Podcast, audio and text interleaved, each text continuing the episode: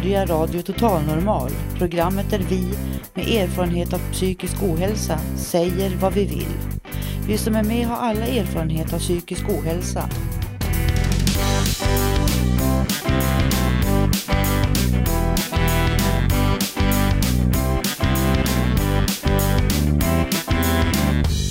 Du lyssnar på Radio Total Normal 101,1. Totalt normalt. Radio Total Normal torsdagar från två till halv fyra. Vi livesänder med publik från Götgatan 38 i Stockholm. Här är alla röster lika värda.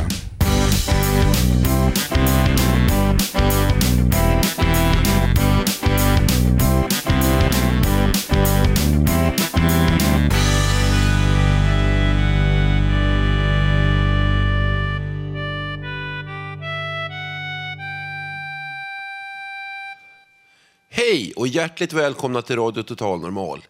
Jag har den som vanligt underbara publiken framför mig här på Götgatan 38 i Fountain House. Och vi ser fram emot ett ännu mer spännande program än sist. För så här är det ju. Ut är det kallt, det snöar och det blåser kalla vindar genom samhället. Men inne på Fountain House, här lyser gemenskapens värme knepig metafor där. Ikväll, idag ska vi höra om en, ett resereportage från det vilda och otämjda Åland. Vi kommer att höra design om tiogruppen och vi kommer att höra om en jättespännande verksamhet för tjejer som heter Tjejzonen som kommer direkt efter denna låt. Och nu blir det musik och en massa dikt också. Och jag som är dagens programledare heter Mikael Söderberg. Vi hörs.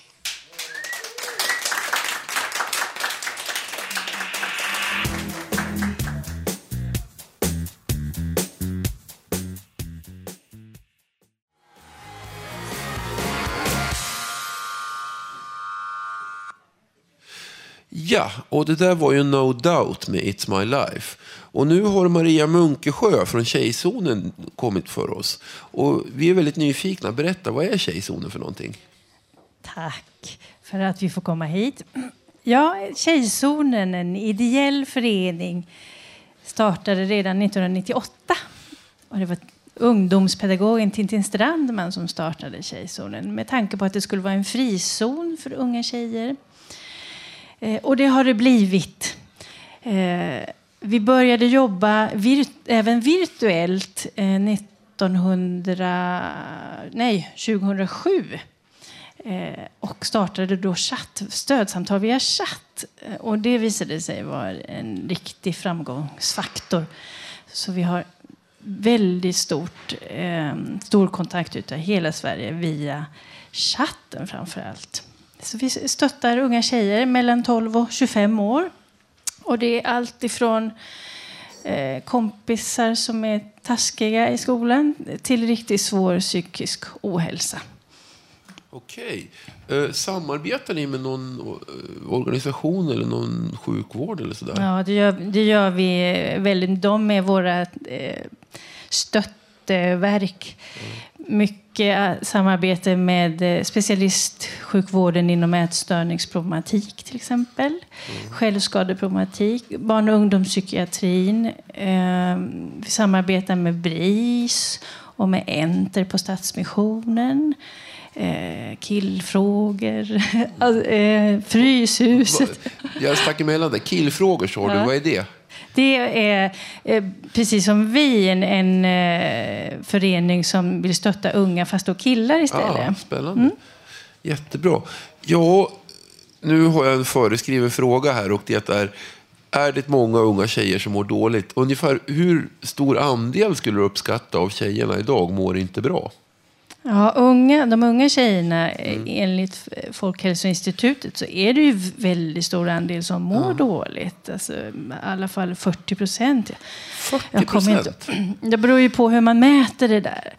Och det tvistas ju om alltså vad det är. Beror det på att det har blivit mer synligt och kommit till uttryck nu? Eller har det allt, och har alltid varit så som det är nu? Eller är det så att det har förvärrats? Det där är ju... intressant att veta. Hur tycker ni samhället fungerar om man är ung och mår dåligt idag? Förutom er, finns det hjälp som fungerar? Eller? Alltså, ja, ja, det finns fantastisk hjälp att få.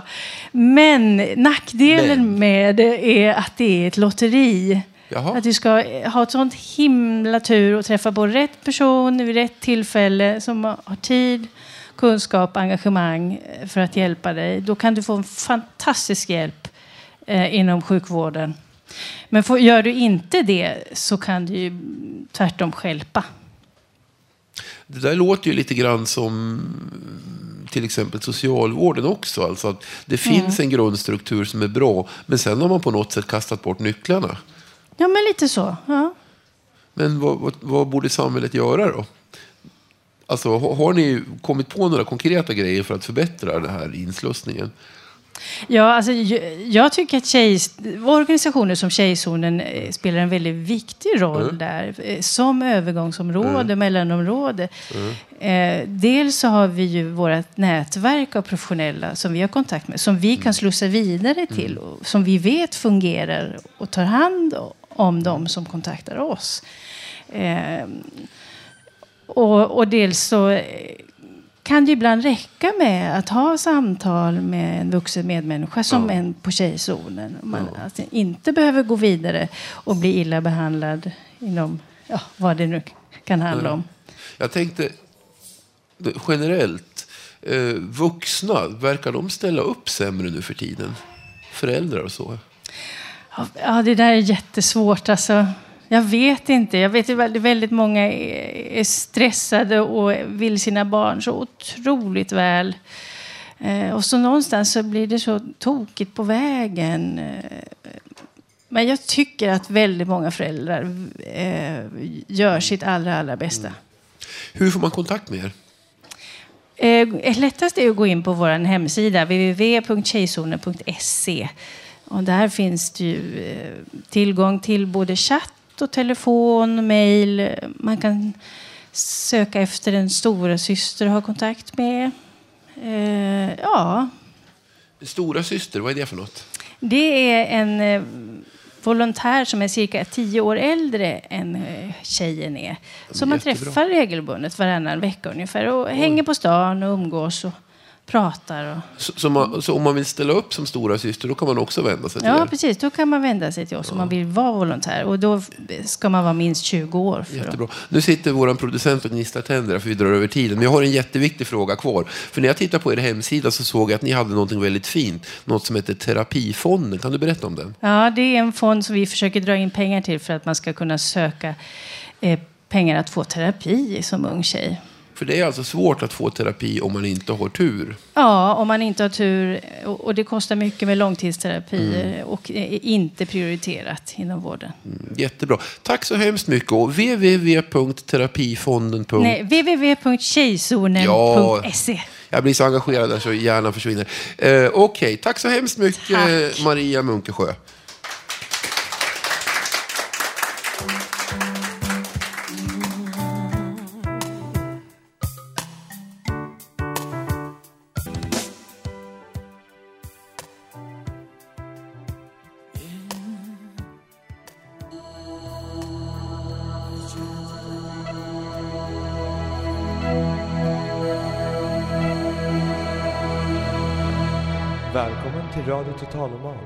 Din röst i etern.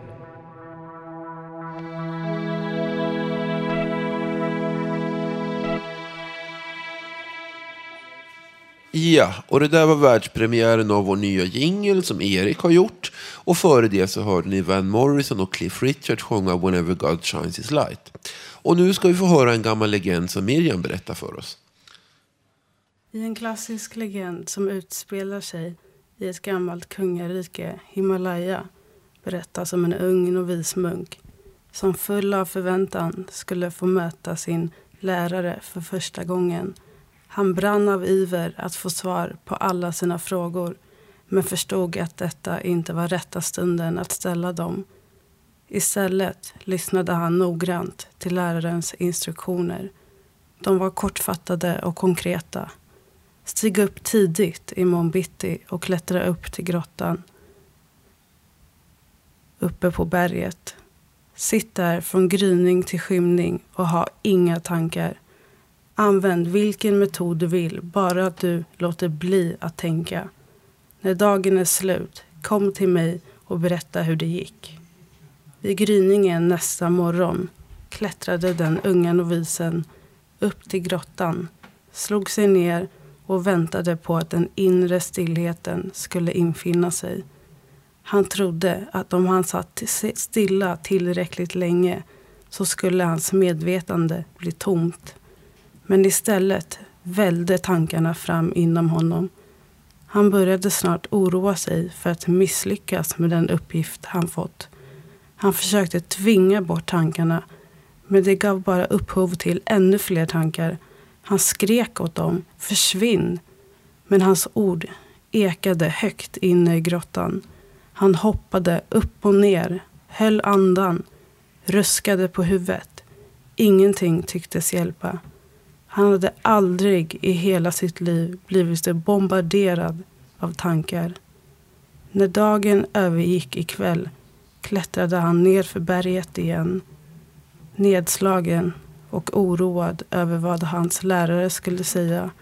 Kanske skulle han avfärda honom som ett misslyckande olämplig för fortsatt utbildning. Men läraren brast istället ut i skratt när han fick höra om hans mentala och fysiska övningar. Mycket bra. Du har verkligen ansträngt dig och lyckats bra. Imorgon ska du återvända till grottan. Sitt där från gryning till skymning och ägna dig enbart åt att uppfyllas av tankar Tänk på vad du vill hela dagen. Men se till att det inte uppstår några luckor mellan dina tankar. Novisen var mycket belåten. Det här skulle bli lätt. Han kunde inte annat än lyckas. Tankar var ju trots allt det enda han hade haft hela dagen. Nästa morgon klättrade han förtröstansfullt upp till sin grotta igen och slog sig ner. Men redan efter en liten stund insåg han att det inte alls gick så bra som han hade trott. Hans tankar började komma i allt långsammare takt. Då och då dök en behaglig tanke upp och han beslöt sig för att följa upp den en stund. Men snart var den uttömd. Han försökte tänka stora tankar, utveckla filosofiska resonemang, fundera över tillståndet i världen. Vad som helst. Han började lida brist på ämnen att tänka på och blev till och med en smula uttråkad. Vart hade alla hans tankar tagit vägen? Snart kändes till och med hans bästa tankar lite utnötta. De påminde om en gammal trådsliten överrock. Sedan märkte han att det uppstod luckor i tankeströmmen. Men kära någon, det var ju just det han hade fått i uppgift att undvika. Således ännu ett misslyckande. Mot slutet av dagen kände han sig ganska förtvivlad. Han hade misslyckats igen. Han klättrade ner för berget och sökte upp sin lärare som återigen brast ut i skratt. Gratulerar! Underbart! Nu vet du precis hur du ska göra. Han förstod inte varför läraren var så nöjd. Vad i hela friden hade han lärt sig? Läraren var nöjd därför att novisen nu var redo att förstå något ytterst väsentligt. Man kan aldrig tvinga sinnet och om man försöker göra det kommer man inte att gilla resultatet. Man behöver inte klättra upp på en bergstopp för att dra denna viktiga slutsats.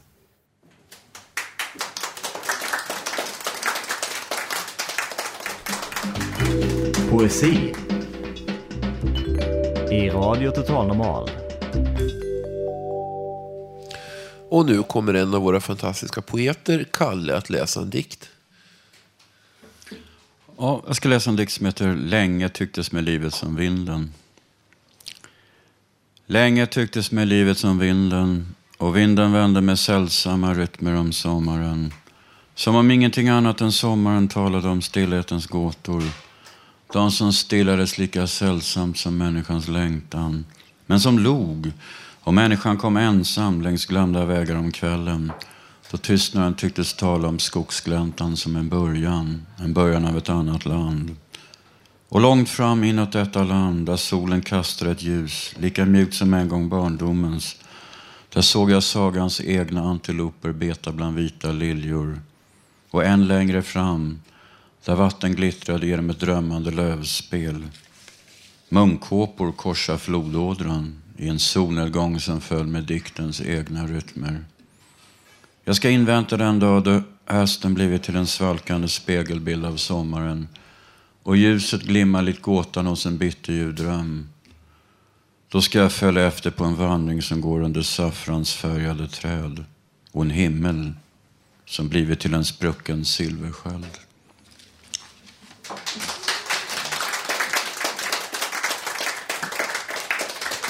Tack Kalle, verkligen en jättefin dikt. Ja, så här långt så har vi sysslat med väldigt positiva saker, uppbyggande saker. Men som jag sa i början, det är inte bara vädret som är kallt i Sverige. Det finns andra brister. Och nu kommer vi in på avdelningen samhällskritik. Och här är det jag som börjar av väldigt uppenbara skäl för mig själv. Mm, jag tänkte nämligen berätta vad som hände mig igår förmiddags och då tänkte jag bjuda upp min vän Timo Sundberg här. Timo är bland mycket annat poet och kommer att läsa en text lite senare. Vet du vad, det är bättre om du står vid mikrofonen där. Mm. Men igår så fick han vara vittne till någonting väldigt obehagligt att se på, men framförallt att vara med om. Det, var, det är nämligen så här att jag är bipolär och alla vi som har någon form av diagnos är ju lovligt byte för människor inom ordningsmakten som inte är snälla. Och med det menar jag att tyvärr är det så att de här eventuella kurserna som ska ges till poliser och förhoppningsvis också väktare om hur det är att vara bipolär eller schizofren eller ha någon annan diagnos där man uppfattas som lite konstig. De verkar ha varit eh, väldigt dåligt besökta för jag har under min karriär som bipolär ständigt råkat på problem med ordningsmakten. Inte för att jag är någon speciellt kriminell person utan snarare tvärtom. Därför att jag är så laglydig så jag tycker att jag har rättigheter. Det, det har man ju faktiskt inte. Va? Stör man så ska man göras av med på något sätt. Och igår var det liksom droppen. Timo, kommer du ihåg? Igår morse då skulle du och jag in och hämta medicin. Ja. Just det. Och då åkte vi in till apoteket Hjärtat som ligger vid ringen. Mm. Väl när vi var inne där så råkade jag ut för en lite mindre trevlig människa. En kille som gav sig på mig och ryckte tag i min lilla hårtofs bakifrån. Eh, vi hade haft en liten diskussion innan, men han tyckte han skulle gå över till fysiskt våld. Sen gick den killen ut genom dörren och ställde sig och väntade på mig utanför. Eller hur Timo? Ja, så var det ja. ja. Precis. Och då tänkte jag att, ja men hurra nu kan jag äntligen få en chans att få hjälp av polisen istället för att de bara omhändertar mig som de gör ibland när jag är bipolär. Så jag ringer polisen och förklarar precis vad som händer. Hej, jag är en medborgare. Jag har blivit hotad till livet. Han står och väntar på mig utanför apoteket Ringen. Kan du vara snäll och komma hit så jag törs gå ut? Då talade jag lite högt när jag ringde i mobilen. Varvid apotekspersonalen kom fram och inte sa oj vad synd det är om dig, utan istället sa kan du sänka rösten. Jag sänkte rösten och var snäll och väntade på polisen. Och sen kommer polisen. Och vad tror ni hände då? Jo, killen som stod och väntade på mig smet. Och när jag går fram för att möta polisen och förklara vad som har hänt, då kommer det fyra stora starka killar och han som är polisbefäl tittar på mig och säger, ja men jag känner ju igen dig. Det är du som är bipolär. Och sen sätter de på mig handbojor efter att ha tryckt upp mig mot väggen. Då då. Man är lovligt byte som bipolär om man, är, om man råkar stå på sina rättigheter. Därefter, nu har jag blivit omhändertagen ett par gånger av just den här Jag är alltså aldrig någonsin berusad vid de här tillfällena. Jag, inte, jag, droger använder jag inte. jag bara pratar lite för högt. Och detta räcker. Men den här gången råkade jag ut för en kille. Han hette Arvid. Det är det enda jag vet om honom. Men Arvid som var ledare där och Viktor, hans kollega. De var fyra, men en av dem ville inte ens tala om vad han hette. Och den fjärde har jag tyvärr glömt bort vad han hette. Så du får inte chans att bli omnämnd i radio, kamrat. Um, ehm, de tyckte då att när de väl hade fått på mig, jag var huvudet kortare än dem, påtagligt otränad, men de tyckte ändå då att när de väl hade fått på mig handbojorna bakom ryggen så skulle de absolut få in mig i bilen genom att trycka ner mitt huvud som gjorde ont. De hade väl förmodligen sett på tv att amerikansk polis gör så. Jag kan tala om att det gör ont. Och sen så fick jag inte sitta på sätet i bilen, utan jag skulle sitta på golvet. Det var en sån här specialdesignad piketbil, så att det var ett litet utrymme att sitta på golvet. Så jag sitter där på golvet, men nu är jag jag. Så jag säger åt dem, jag kommer att anmäla er för det här. Kan ni vara snäll och identifiera er med bricknummer? Så här är det ju nämligen, att poliser kan av skäl att skydda sig själva vägra att uppge sitt namn. Men däremot är de alltid skyldiga att uppge sitt bricknummer.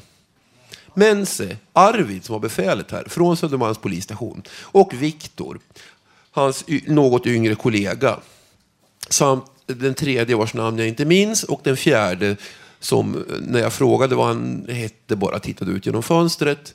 Ingen av dem uppgav sitt bricknummer, fast jag frågade dem upprepade gånger. Detta är ju tjänstefel. Nu kan jag, jag ha inbillat med detta, så jag frågar Timo, stämmer det jag säger? Det stämmer 100 procent. Och nu är Timo, jag är 1,80, Timo är 1,70. När Timo frågade vad som gick, stod på, när han såg vad de gjorde med mig, vad hände då Timo? Då så, stig åt sidan sa de och så knuffade de mig så att jag inte skulle se vad som hände med Mikael. Och jag kan tillägga att jag, jag påpekade ju för dem Eh, eftersom jag kan prata ganska fort. Jag får inte göra det här när jag är programledare, för då hör ingen vad jag säger. Men jag pratar ganska fort. Så jag hann få sagt, medan de släpade mig till bilen, att det är ju jag som har blivit överfallen. Och Timo där, jag försökte peka, men eftersom det är lite svårt vid handklovar, så jag fick nicka. Eh, Timo där är vittne, men det brydde de sig inte om sig. Ja, vad händer sen då? Jo, inne i bilen eh, Eh, så säger de, ja hur ska det bli nu? Kaknästornet eller Katarinahuset? ett ögonblick trodde jag de menade att de skulle slänga ner mig från Kaknästornet. Men tydligen är det så att de har som rutin när det gäller besvärliga människor, förmodligen fyllerister eller såna demonstranter, att köra ut dem till Kaknästornet och de får ta ner sig hem själva. Ja, så jag, kör mig till Kaknästornet, jag behöver en semester. Men nej, då kunde man ju tro att Arvid, befälet här i bilen, jag kommer inte ihåg numret på bilen, men det finns nog bara en Arvid på Södermalms polisstation. Att Arvid kunde köra mig, som ju har definierat mig som psykpatient och som det bevisligen var vid ett apotek, till Katarinahuset, som för er som lyssnar som inte bor på Södermalm, det är alltså psykmottagningen i Södermalm, dit jag har gått i alla åren jag har varit patient. Men nej då. Istället kör Arvid mig till polisstationen på Södermalm. Nu är de inte medicinskt kompetenta där, det bevisas av de galningar som jobbar där. Eh, så istället så för de in mig där, trycker ner mig på... Då fortfarande tyckte de att de skulle liksom trycka ner mig överallt. Jag kan gå och sätta mig själv, säger jag. Och jag är lite äldre än er, så jag går långsamt. Nej då.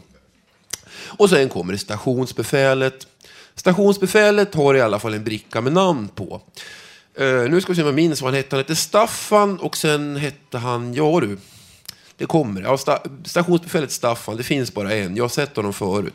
Eh, han säger följande. När jag eh, frågar omedelbart, som jag har lärt mig att man ska göra med människor som sköter sitt jobb dåligt, nämligen man frågar vad heter din chef, jag tänker klaga. Då svarar Staffan, som inte förstår riktigt hur samhället fungerar. Staffan säger, jag är din chef här. Nej, Staffan, försöker jag då säga. Det kan du inte vara, ty jag är inte anställd här. Det är ju tvärtom jag som är din arbetsgivare som skattebetalare. Nu sa jag inte detta uttryckligen, men jag sa i alla fall att du är minsann inte min chef. Varvid han säger, och jag citerar, tyvärr är det bara poliserna som är vittnen, men han sa faktiskt följande. Ska vi slänga ner dig på golvet och bryta upp armarna på dig? Så sa han. Ja, han skämtade inte. Därefter så fick jag genomgå den rutin man gör, nämligen de tar av en alla kläder. Den här gången fick jag en badrock, det var ju lite intressant. Eh, och sen ledde de in mig i en cell där jag fick sitta i fyra timmar utan att få gå på toaletten. Efter fyra timmar så kommer äntligen en läkare när jag berättar för läkaren vad som har hänt så säger han vänta ett slag och sen släpper de ut mig. Men inte får jag någon ursäkt inte. För det får man inte om man tillhör svaga grupper i samhället. Av människor som inte vet att hantera sin myndighetsutövning rätt. Det här får nog bli en liten följetong för jag kommer att anmäla dem. Och jag vet att det finns fler av er där ute som har något att säga. Jag fick en lapp här. Då står det så här på den lappen. Vi vaktar ordningsmakten, trött på polis och vaktvåld. Eh, vi är glada att bjuda in dig om du är pigg på rättvisa. Vi samlas på Kungsholmen för att protestera mot detta våld. Sånt som jag berättade om alltså. Eftersom många fall aldrig uppmärksammas så besöker vi polisen, Securitas och ordningsvakternas lokaler och låter människor berätta om sina erfarenheter. En fredlig demonstration som man kan kontakta på ett ord. Vakta ordningsmakten gmail.com. Vi ses 15.00 lördag den 28 maj vid Rådhuset, tunnelbanestation, uppgång Polishuset. Jajamensan, så den 28 maj så får vi se vad som händer där. Kanske minns Arvid sitt bricknummer, eller Viktor. Och kanske kommer jag ihåg vad Staffan hette i efternamn. Jag kommer i alla fall ihåg att han också brukade påpeka att han tyckte om att spöa folk. Ja, nu, vi, nu viftar Hanna här. Det är då inte att hon vill att jag ska göra helikoptern utan det är därför att nu ska vi ha en låt här. Och då, eh, hade, det är inte jag som väljer låtarna, eh, men det fanns en låt som passade här. Den heter Desperados. Jag tillägnade dem Arvid och Viktor på Södermalmspolisen.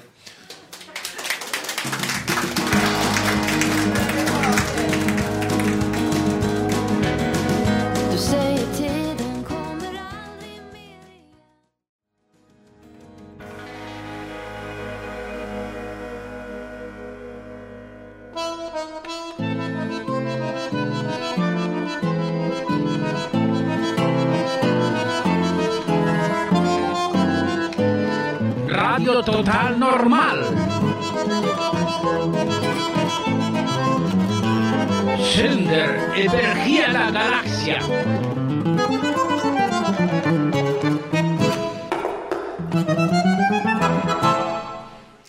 Ja, och det där var alltså Pernilla Andersson med Desperados. Ja, nu ska vi gå över till en annan mindre rolig sak. Och där det jag tog upp bara var någonting som drabbar en fåtal människor. Så är tyvärr det som Håkan ska ta upp någonting som drabbar väldigt många. Berätta Håkan, vad ska du prata om? Jo, jag ska tala om den här LSL-lagen som säger att vi ska få hjälp och stöd ifrån Håkan, just det. Du menar LSS? LSS ska det vara. Det ser man. Jag är också lite förvirrad. Ja, den talar om att vi som har psykiska problem och allt annat har rätt att få hjälp från myndigheterna på olika sätt. Och stöd dessutom. Och eh, jag har skrivit så här. Jag är mycket kritisk till att alla, att många kommuner ej följer den. Så jag vädjar att ni som sitter i regeringen ser över lagen så alla kommuner följer den. Så alla som har rätt till den får det stöd de är i behov av. För jag är helt övertygad att de i kommunerna som ej följer lagen tänker själva på att de kan komma i samma situation, läge som påverkar deras liv och ej får det stöd som de är i behov av. De får ej enligt lagen. De anser att det är för dyrbart för kommunen. Så vidare till att ni ser till de som bor i er egen kommun får det stöd som de är i behov av. Och inte bara talar om vad det kostar. Jag kommer senare i ett program fortsätta eh, att själv och prata lite om, för jag själv, bor själv i en gruppbostad. Men jag kommer att ta det senare. Och nu har jag en liten publikfråga. Som sagt, det är många kommuner som struntar i det här på grund av olika aspekter. Eh, de tolkar lagen fel. Och hur Anser ni att man ska förändra den positionen eh, med att få en bättre förståelse för de som verkligen behöver ha vården och hjälp? Någon? Ja, jag tycker absolut att det behövs en större förståelse för ja, både oliktänkande, för alla som är... Ja, för vi alla gillar olika och det, ja, det är viktigt att tänka på. Speciellt om politiker och så som bestämmer. Och Det, ja, så att svaret är ja. Är det någon annan? tänkte säga att du sa ju rätt där Staffan. Det är ju väldigt vanligt med knappar där det står vi, jag gillar olika. Men konstigt nog gäller det inte om man beter sig lite olika psykiskt eller om man är hemlös eller så. Då är det plötsligt inte så populärt längre att stödja. Eh, jag läste i tidningen i morse att Huddinge kommun var det väl, hade fått för sig att de skulle ge lite jobb åt grävmaskiner så de hade gått lös på de hemlösas husvagnar.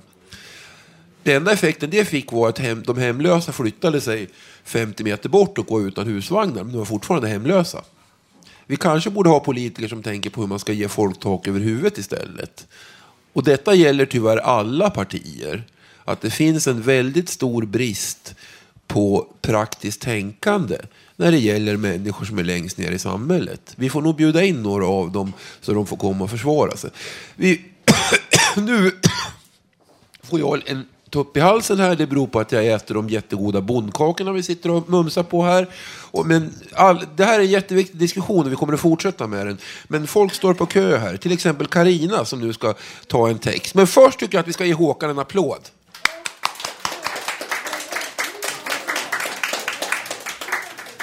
Och Jo, en vädjan till er som i kommunerna som jobbar med de frågorna. Tänk på de i egna kommuner som bor där och inte bara tänker på pengar. Låt det få kosta vad det kostar för att de ska få ett drägligt liv de också. Och inte bara ni som har det rika får, får gå före. Det finns övriga andra som lider på grund av era rika ja, rikedomar. Tack för ordet. det är så rätt. Nu kommer Karina. Ja, hej, jag heter Karina Borg och apropå intervju med 10-gruppen här idag så har jag gjort det i film om Götgatsbacken för flera år sedan via RSM och SOS. SOS. Söder om Söder. Det var mycket eh, roligt att få träffa Ingela Håkansson då och jag rimmade då i Götgatans höjd arbetaren, designer så nöjd. Det var hantverkarnas gata förr med allt ifrån tillverkning till färdig produkt. Det fanns två biografer, Hästnisses och Göta Lejon. Numera är det populärt att göra film för Youtube på internet istället. Det har jag gjort på arbetsträningen Studio IT som utbildar kulturarbetare. Jag har tidigare haft en intervju här med Studio IT som, ni, och, som utbildar kulturarbetare. Ja. Och, och ni kommer få höra folks musik därifrån i Kungsträdgården via Fountain House i sommar.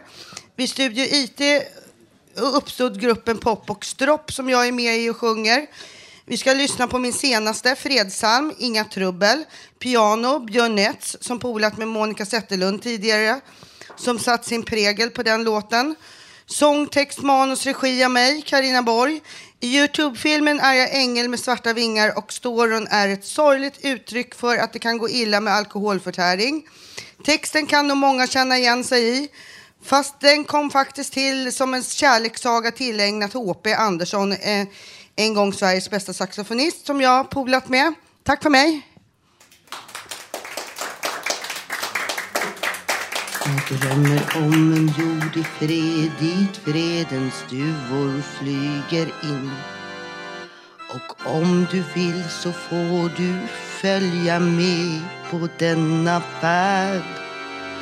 Den ena vingen kallas det lokala arbetet och den andra det centrala arbetet. När har du sett ljuset? Vill du så får du följa med mig nu när vi somnar in är vi på väg mot evigheten.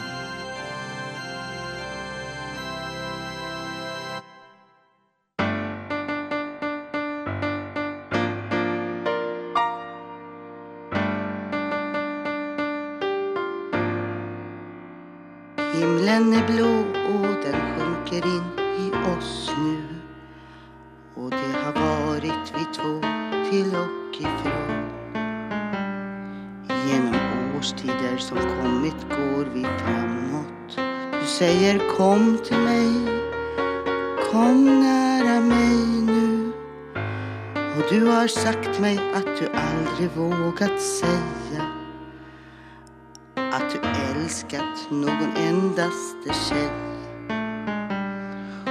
Gråter du och säger att du älskar mig så. Men snälla låt det få stanna mellan oss. Vad kan det vara som gör dig så rädd? När du kämpat visat du är beredd. Nu har jag köpt en blomma hem till dig. Den fredskallan ska heta fridfullhet för oss.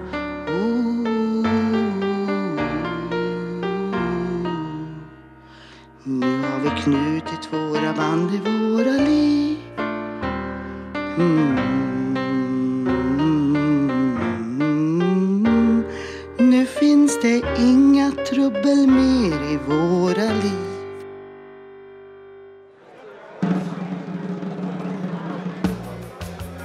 jag lov att presentera Radio Total Normals unika, begåvade, charmerande, talangfulla och alldeles, alldeles underbara Señoras y señores, Katrin Loford!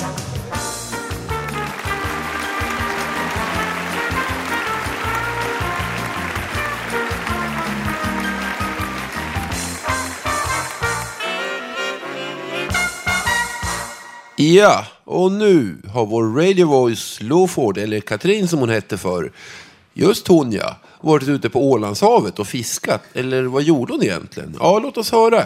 Katrin Loford själv berättar.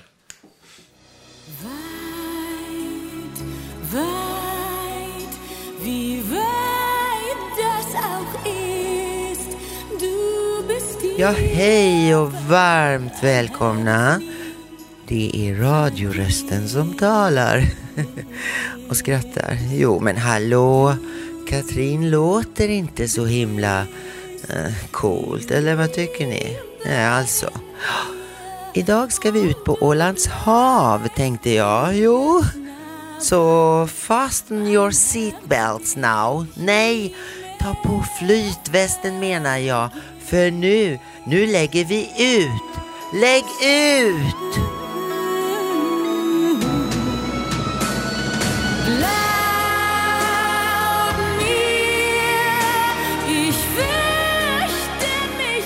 Ja, nu var det ju inte Titanic vi åkte, Inga-Lisa och jag. Nej, Inga-Lisa är en trevlig tjej, kvinna som jobbar här på kontoret. Jo. Och det var tack vare henne som jag kom iväg denna förrförra onsdagen var det väl? Eller var det förrförra? Ja, tiden går så fort. Tack Inga-Lisa.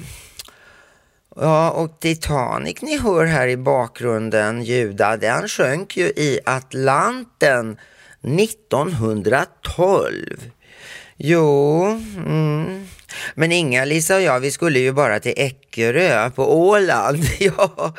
Och Eckerölinjen, tja, jag har ju inget betalt för att sitta och prata om dem, men nej, isbergen, ni minns kanske då 1912 om ni är så gamla, och isflaken menar jag, de där på Ålands hav, de hade faktiskt smält. Ja, då, det hade de. Men det hade de inte 1912.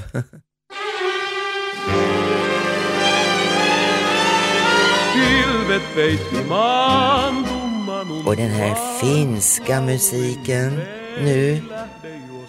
Ja, typ så här. Det hade de inte ombord den här gången. Nej. Så vi dansade inte ens, varken Inga-Lisa eller jag.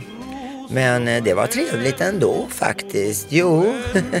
unohti jo sen loiston punaisen. De killar som uppvaktade oss var kanske ändå lite i, eh, ja, unga laget. Jo, men prata kunde de. Jaha då. Uppsala snubbarna, sju stycken var det tror jag. Och en skulle bli modell. Jo, hoppas han lyckas. Kram på dig. Hoppas sändningen går ända till Uppsala. Ja, för ni har väl data ni ungdomar? Ja, absolut. Coola var ni i vilket fall. Och maten. Maten var ju helt underbar. Jag tog en lammstek på vägen ut med sås. Och efter bara 25 minuter i land var det dags för hemfärd. Ah! Ja, man kan nästan tro det var en ribbåt. Nej, det är fartyg där uppe från Grisslehamn. Men eh, det tar två timmar i buss från eh, centralen här i stan. Jo. Nu pratar jag aldrig med kapten, nej, men dock en annan i sån där väldigt fin skjorta, ja ni vet med klaffar på axlarna, jo då. Alltså han på båten, jo. Hmm. Och resan över tar ju bara någon timma tyvärr, går det väldigt fort i land. Men å sidan, andra sidan menar jag, ja hej och hå, är det ju uträknat så att man åker, ja, handlar, äter och har lite roligt. Jo, jag har bara åkt den här båten en gång innan och den kan jag varmt rekommendera. Ja.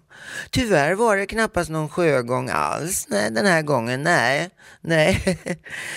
Men ungdomarna från Uppsala, jo de såg till att båten gungade rätt bra ändå. Ja, jo det var coola kids. Så välkomna nu till RTN på Fountain House 101,1 och inte bara Stockholm. Eh? Nej, det var ju Dallas. Stockholm sa jag ju. ja, herregud. Lite fel ibland. Well, well, who cares in a hundred years anyway? Let it be, let it be. Anyway, ja, Gustav, let it be my carpet while I'm talking this last minute. Ja, vad handlar vi nu då där? Ja, det var ju en rätt trevlig snubbe där i taxfree-shoppen också. Joho! Ja, fint dessertvin han bjöd på. Tack ska du ha. Jag fick ju till och med en fribiljett. Jo, det är sant. Som gäller i eh, tre månader. Ja. Jag åker nog i juni igen tror jag, men då vill jag ner till Mariehamn också. Stanna där en natt. Hyvää ilta herrasväki. Ja, Mansika, aurinko ja sää och uutiset och ja, Olli Hörkö. Jag tycker han är rätt fin. Jo då, nacke, näcke, min. Visst är min finska rätt bra? Ja. Det är rätt roligt att vara här som ni hör. Var var jag nu någonstans? Jo, de har ju ett fontänhus där i centrala stan, Mariehamn alltså. Det vore rätt, vore inte det smart, kul, cool kanske? Och besöka det då. Och sen kan man ju ta en långsam båt hem. Ja, Silja eller Viking, eller hur? Tack för att ni lyssnade. Nu kör vi lite finskt igen. Kram på er tills nästa torsdag. Bruden heter Minun Ninnemi On. Katrin Loford and take care for now. Kyssljud. Oh shit! Det var ju i manus det stod så. Och vad dumt det kan bli. Oj herregud. Så här menade jag. Ciao guys and girls.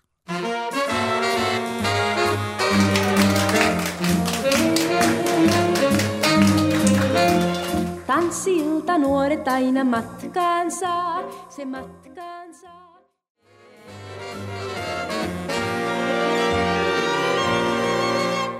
Ja, Kitos Katrin och Terva allihopa. Jag blir alldeles finsk av den här musiken. Tack för ett oförglömligt reportage. Och nu har vi kommit till veckans klassiker, eller favorit i repris.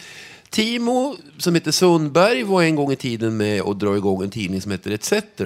Och jag hittade ett gammalt nummer hemma hos mig, nummer 8 1980, nummer 28 från starten. Då kostade den 14,75 förresten. Och då hittade jag en text av Timo som passande nog hette Ett dygn i etern. Och den ska Timo läsa nu. Hörs jag? Ja, bra. Full som en spruta kunde jag inte somna. Jag slog på radion. Det var en gammal burk. Den tog lång tid på sig att bli varm. Associationerna flöt iväg. Jag blev en kolare som vaktar sin mila. Inne i radion glödde rören svagt. Värmen fick råttbon av damm att börja lukta. Ett dovt brummande pressade sig genom det solkiga tyget som dolde högtalaren. Skallampan, halvkvävd av smuts, orkade knappt lysa upp stationerna. Radion hade två rattar av gulvit bakelit. Mellan dessa två satt en klaviatur av knappar som liknade hästtänder. Plötsligt förändrades brummandet. Ljudets våglängd bröt av för att sekunden senare pressas mot diskant. Volymen ökade i jämnt stigande kurva. På sin kulmen in till smärtgränsen övergick brummandet successivt i tre korta etapper till ett kraftigt susande som avtog efter ett ögonblick. Det enda som hördes nu var blodet som forsade bakom mina egna trumhinnor. Min egen andhämtning och radions tysta närvaro. Ur den kom ett icke förnimbart ljud. Det verkade som om rören och skallampan fick luften att vibrera utan att vibrationerna kunde uppfattas som ljud. En frånslagen radio är tyst. En tyst igångsatt radio är närvarande likt ett försynt djur som inte andas och inte rör sig. Jag pressade ner en hästhand i panelen. Ut. Uh, det kött till och en välling av olika ljud flödade ut i rummet. Om man tänker sig denna blandning av ljud som en bild så skulle några mal, en malande kvinnoröst med ett för mig okänt språk ligga i förgrunden. Strax där bakom två tyskar i fullt slagsmål överröstande varandra. Den ena berättade allt om Wagner som, kom, som komponerade sin opera Tristan 1865. Medan den andra tysken högröstat tjatade om rumba och ett nyhetstelegram. Ovanför tyskarna och kvinnorösten svävade en irriterande banal musik. Ibland tycktes den forsa över tyskarna för att dränka dem. Stundtals närmade det sig kvinnorösten för att utan harm lägga sig intill henne. Som ett dis över hela bilden låg ett susande som vid mer uppmärksam avlyssning var sammansatt av miljoner olika djur. Ljud. En svärm av insekter som tillsammans liknar en dimma.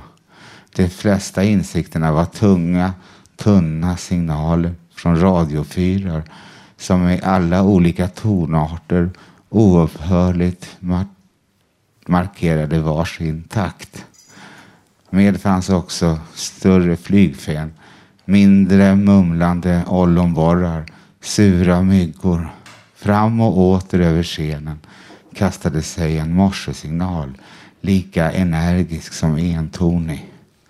Hela bilden suddades blixtsnabbt ut när jag nuddade en av rattarna. Min hand på den gulvita ratten färgades av ett orange ljus från skallampan. Med lugna förgiftade ögon såg jag hur nålen rörde sig bakom det smutsiga glaset. Stationerna gav ifrån sig ynkliga glädjetjut när nålen passerade. Varje sådant tjut var ett ögonblicks sammandrag av all information som stationen hade att bjuda. Vissa glädjeyttringar var dova, andra väsande. Andra är ungefär som när man kittlar barn, kvittrande. London, Paris, Amsterdam, Moskva, Oslo, Stockholm, Luxemburg. När klockan är 1.30 i Stockholm sänder brittiska stationer kittlande lyckliga signaler som nålen passerar utan tvekan.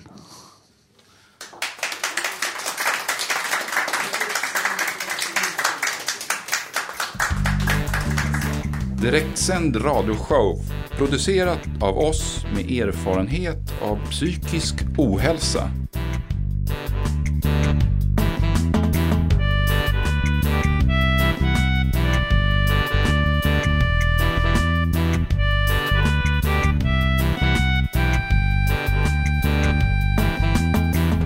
Radio Total Normal.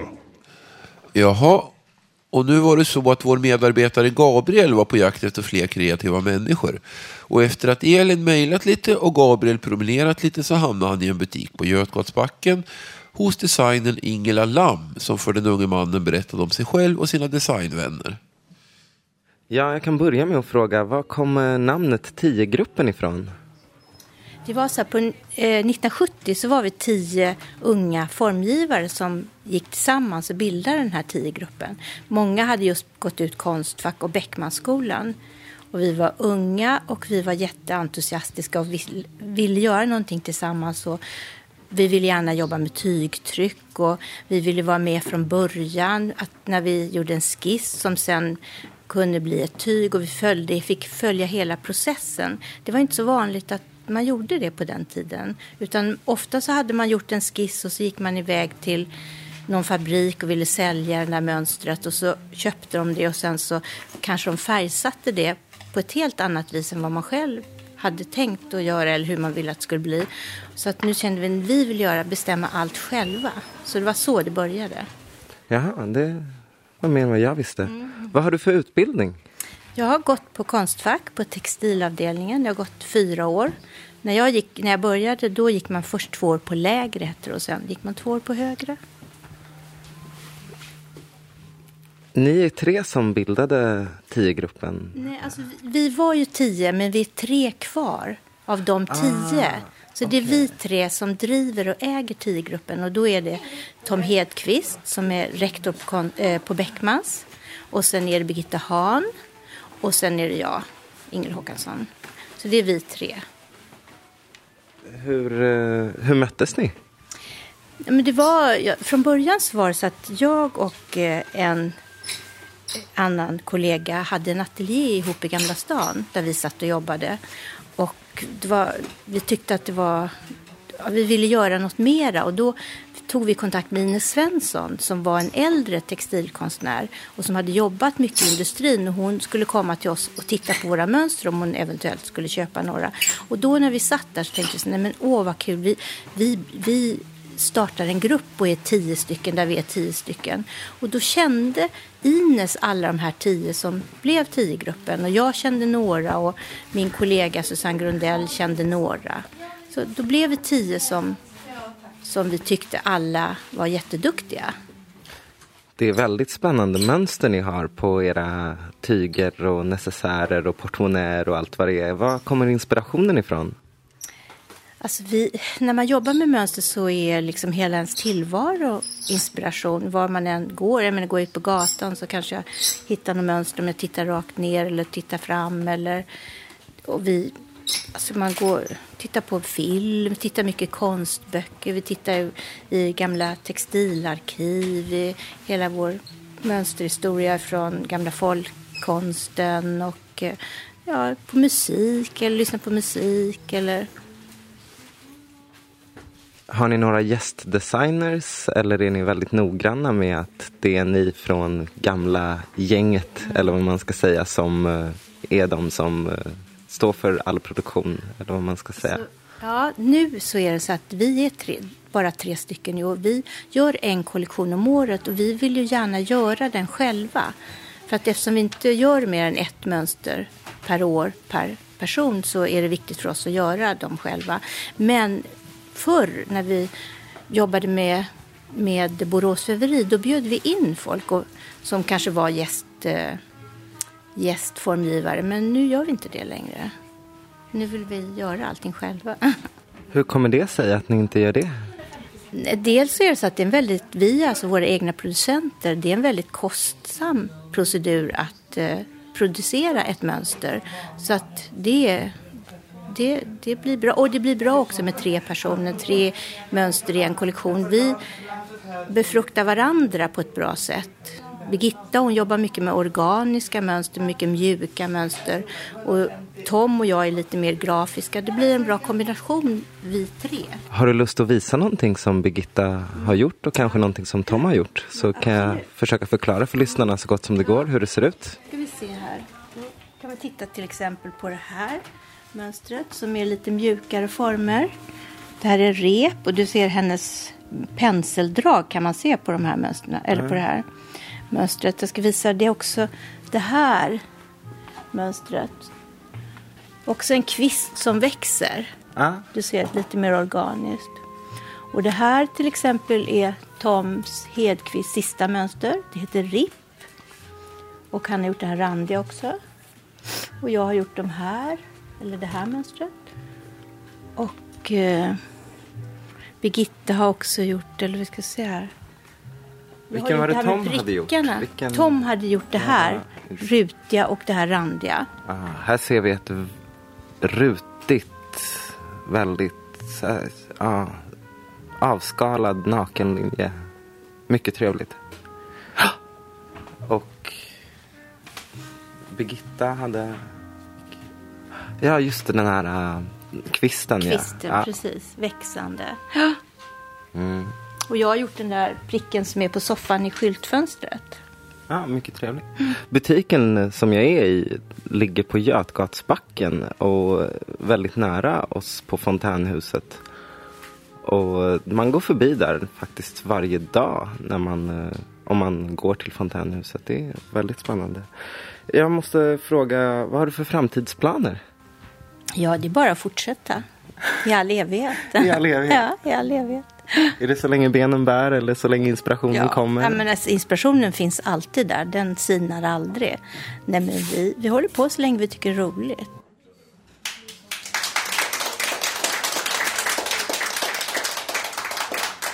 Ja, så var det äntligen dags för livemusik här.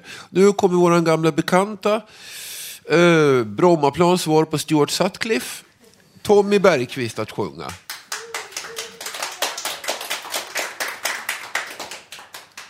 Ja, 1965 så kom Beatles ut med en skiva som hette Help. Och det var ett soundtrack från filmen med samma namn. Och jag ska spela ett medley på tre av låtarna som kom därifrån den skivan. I've seen a face the night before? Och sen eh, den kanske mest kända av alla Beatles-låtar och det är Yesterday.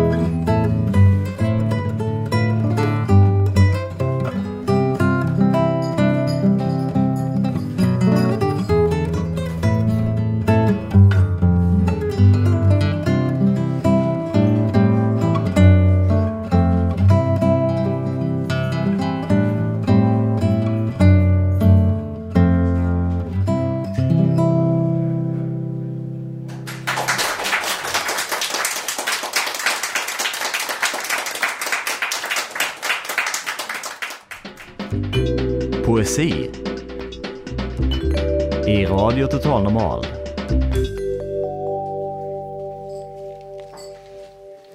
Ja, och jag måste ta tillbaka det där jag sa. Eh, Det var så vackert gitarrspel så Tommy är ju definitivt snarare Fountain House-svar på George Harrison. Och nu blir det ännu en fantastisk poet, den unike Ulf. tisdag. Innan julen var sommar förra året. Jag bor i Hammarbyhöjden. Sol skiner. Nu är det 2011. Ett fartyg reste 1969 till 70 var på. en tid sedan.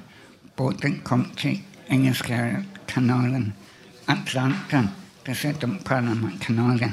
Jag var i Europa på en Sydamerika, Hamburg, Tyskland, stad Antwerpen. Belgien. I raster på fartyg fanns frukt, bananer, cigarettklimpor, kaffepulver, läsk, fiskbrödsmör.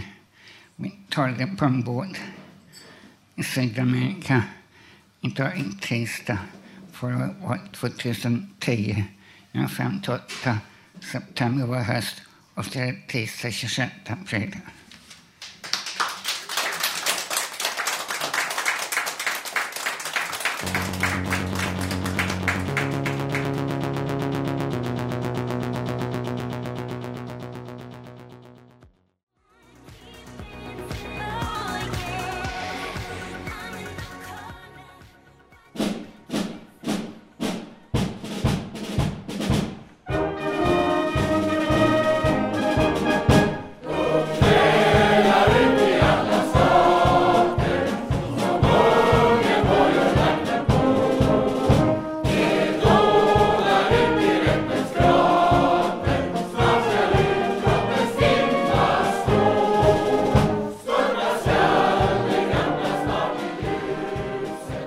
Ja, och så har det varit första maj.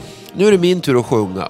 Första maj, första maj, varje sliten kavaj blir en mantel av strålande ljus.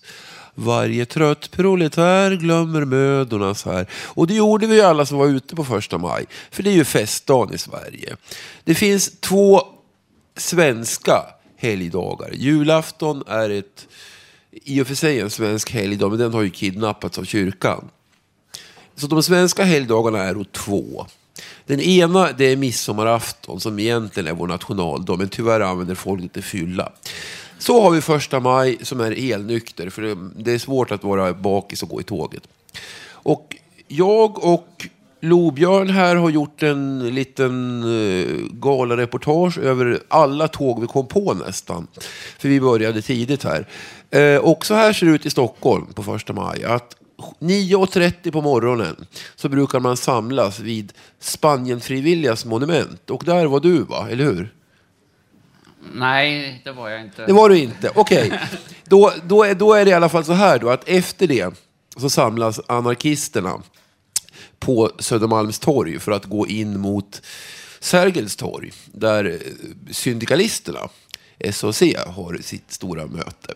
Eh, där var Lobjörn, men jag var på Södermalmstorg och det var väldigt snälla och trevliga anarkister. Eh, bland annat så fanns det en grupp som kallade sig för eh, Katterna. De var för att vi skulle höja skatterna till någonting vettigt. Sen fanns det ett folkkök där. De hette eh, Anarkistiskt alkemistiskt kök, tror jag. De var helt enkelt Frälsningsarméns motsvarighet. De delade ut mat gratis. Jojo.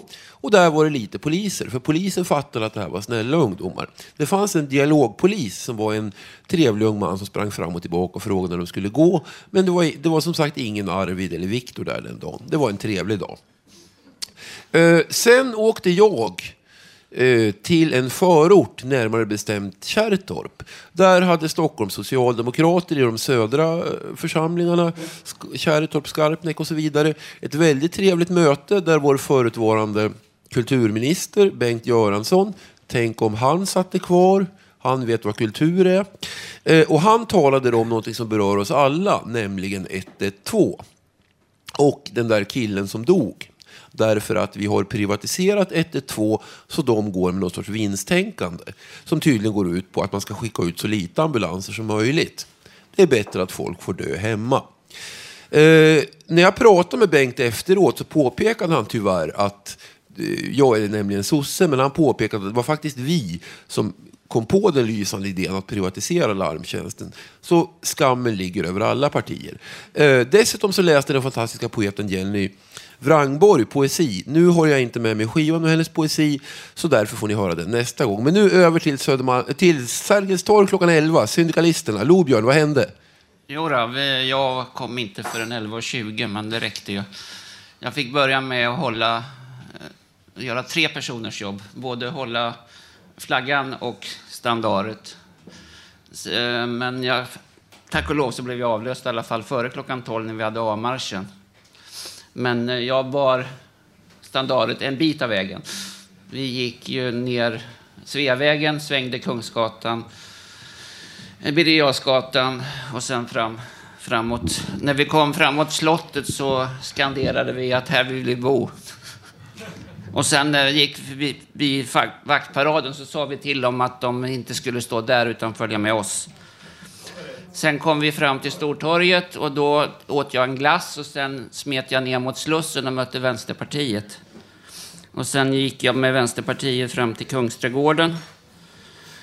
Och där var jag kvar för att höra Josefin Brink, då riksdagsledamot, och sen var jag med kvar och sjöng Internationalen. Och nu tänker jag göra som Björn, vår chef här, har sagt. Nu ska jag propagera för något som kommer i framtiden. Vi är ute i Bromma församling nu på lördag där Tom och jag bor. Vi ska ha en vårpromenad mellan, man kan starta mellan 13 och 16 ifrån Famnen, kyrkan vid Brommaplan och gå bort till Ängbykyrkan. Man köper startkort för 50 kronor och så svarar man på tipsfrågor efter vägen och sen finns det många priser att vinna. Ehm, Vänsterpartiet har 11 maj kick-off för kampanjen mot Förbifart Stockholm och de träffas klockan 18 på Café Marx. Och så ska vi ju inte glömma bort att 11 maj var det 40 år sedan Almstriden. Och Alternativ stad då samlas vid Kungsträdgården från klockan 15 tror jag, eller de kommer att hålla på hela kvällen. Så ni är varmt välkomna till Kungsträdgården den 11 maj och till Vänsterpartiet klockan 18 Café Marx. Och vill ni ta en vårpromenad med Bromma församling så är det alltså nu på lördag den 7. Där ser ni. Där ser ni, man kan demonstrera även på fritiden och för kyrkan. Uh, nu ska vi se, jag skulle bara avsluta vad som händ, våra händelserna på, i Kungsträdgården med att säga att efter eh, talen och internationalen så kom det musik. Rebecca och Fiona fick alla att dansa och slutligen var Marit Bergman där och spelade underbart fin musik. Marit annonserade också att hon kommer att bli mamma snart, så där ser man ännu en eh, rockstjärna i blivande. Eh, jag ska nu passa på att avrunda här, för nu har vi börjat komma mot slutet. Och då ska jag passa på att hälsa till våra frånvarande vänner Ebba och Roland. Vi tänker på er och saknar er enormt. I dagens program har vi fått höra livemusik, poesi, en massa personliga texter, intressanta sådana. Eh, nästa torsdag hör ni oss igen. Då sänder vi som vanligt med publik här från Fountain House på Götgatan 38 i Stockholm. Och fram till dess så kan ni lyssna på oss på webben. Alla program som vi någonsin har gjort finns på webben www.radiototalnormal.se. Där kan du också skriva i gästboken, komma med förslag och gå in på vår Facebook-sida och titta på bilder. Vår tappra personal här var tekniker Gustav Sondén. En applåd. Producenten Hanna Samlin. En applåd till. Ja, bättre kan ni.